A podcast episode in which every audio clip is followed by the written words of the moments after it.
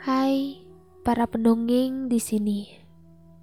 Hari ini kita akan mendengarkan sebuah cerita dari hotel terkenal di kota Bandung. Namaku Alda. Aku dan seorang temanku Risma sedang berlibur di kota Bandung.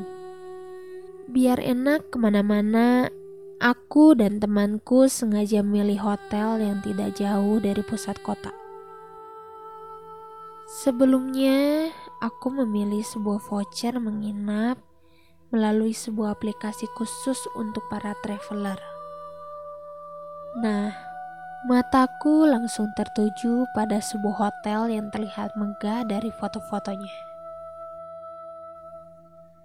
Riz, ini hotel mewah banget, tapi harganya murah masa?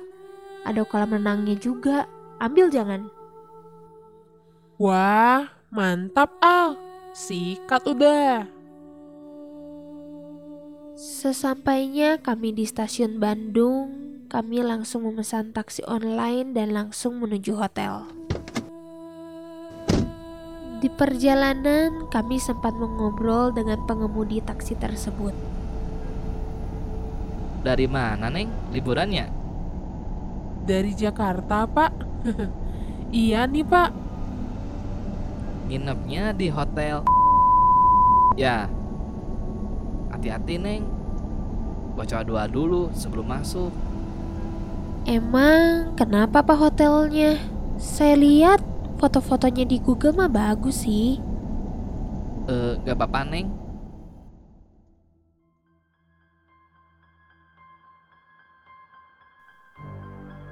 Saat kami masuk ke parkiran, Suasana yang awalnya cerah ceria berubah jadi tidak mengenakan dan hawanya jadi gerah.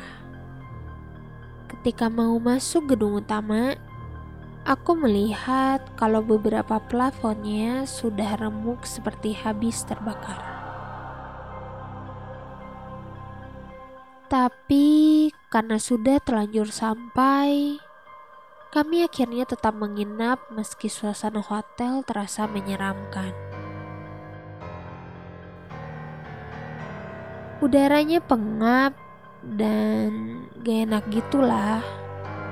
Ya masa dibatalin hanya gara-gara alasan begituan kan?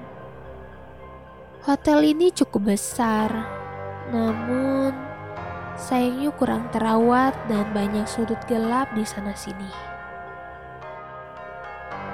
Ketika akan memasuki kamar, kami harus melewati lorong yang sangat panjang sekaligus gelap, pengap, dan horor. Seperti tidak pernah ditempati saat mendekati kamar hotel, aku mencium bau sesuatu yang terbakar. Baunya lebih mirip sampah yang dibakar. Refleks aku langsung bertanya kepada petugas hotel yang mengantarku. Kang, ini bau apa ya seperti kebakar?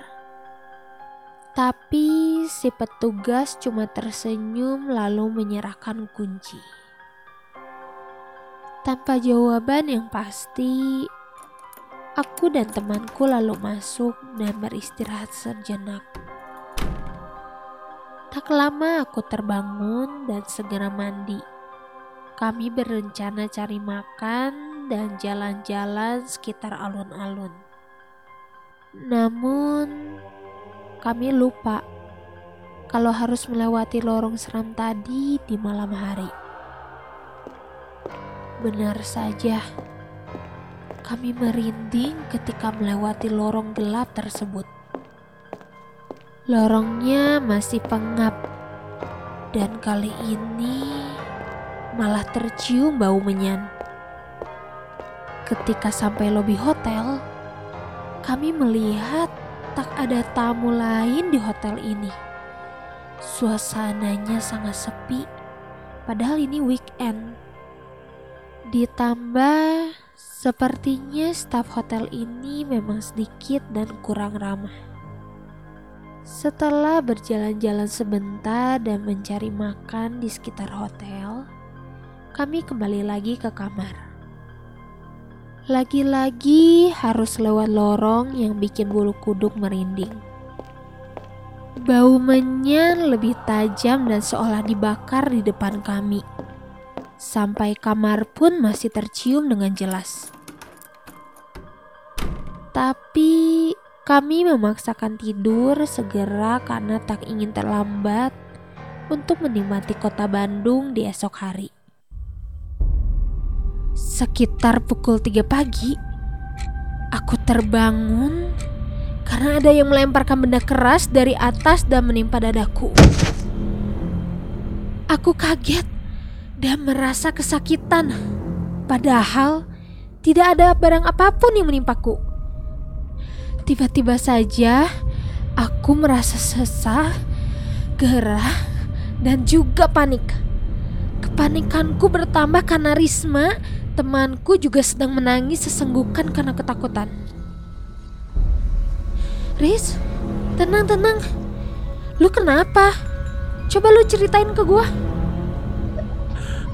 Tadi di kepala lu gue lihat ada kepala berambut panjang dengan wajah setengah hancur dan bercucuran darah tepat banget di kepala lu. Hah? Seriusan lu? Beneran, demi apa? Gue lihat. Makanya gue takutan terus pas gue liatin tuh kepala terbang ke atas terus jatuh ke arah dada lu. Udah gitu ngilang. Terus sebelumnya pas jam 2an gua kebangun, gua ngerasa ada yang lemparin kerikil ke gua. Seketika aku merasa ikut merinding mendengar cerita Risma malam itu.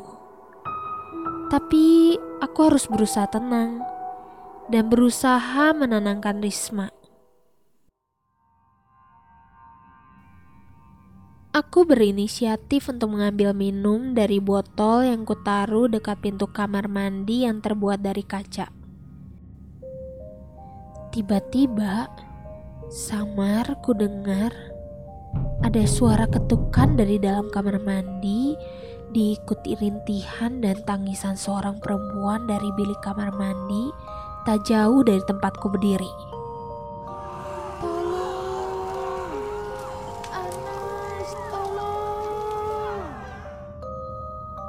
Saat itu, aku hanya bisa mematung mendengarkan suara itu.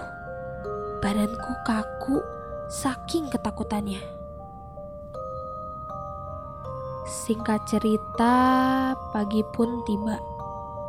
Kami pun berdoa agar arwah penasaran atau setan atau hantu atau apa pun lah itu namanya yang tinggal di hotel itu tidak mengganggu kami lagi.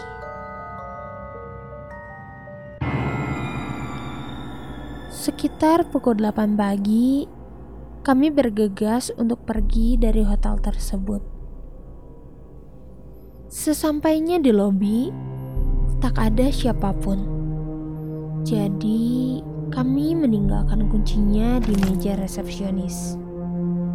Saat keluar dari hotel tersebut, kami dijemput oleh supir taksi online. Dalam perjalanan, aku penasaran dengan sejarah hotel tersebut. Setelah mencari tahu di situs pencarian Google, ternyata hotel ini pernah mengalami kebakaran hebat dan ada empat korban meninggal dalam kejadian tersebut. Hmm, kamu berani menginap di sana?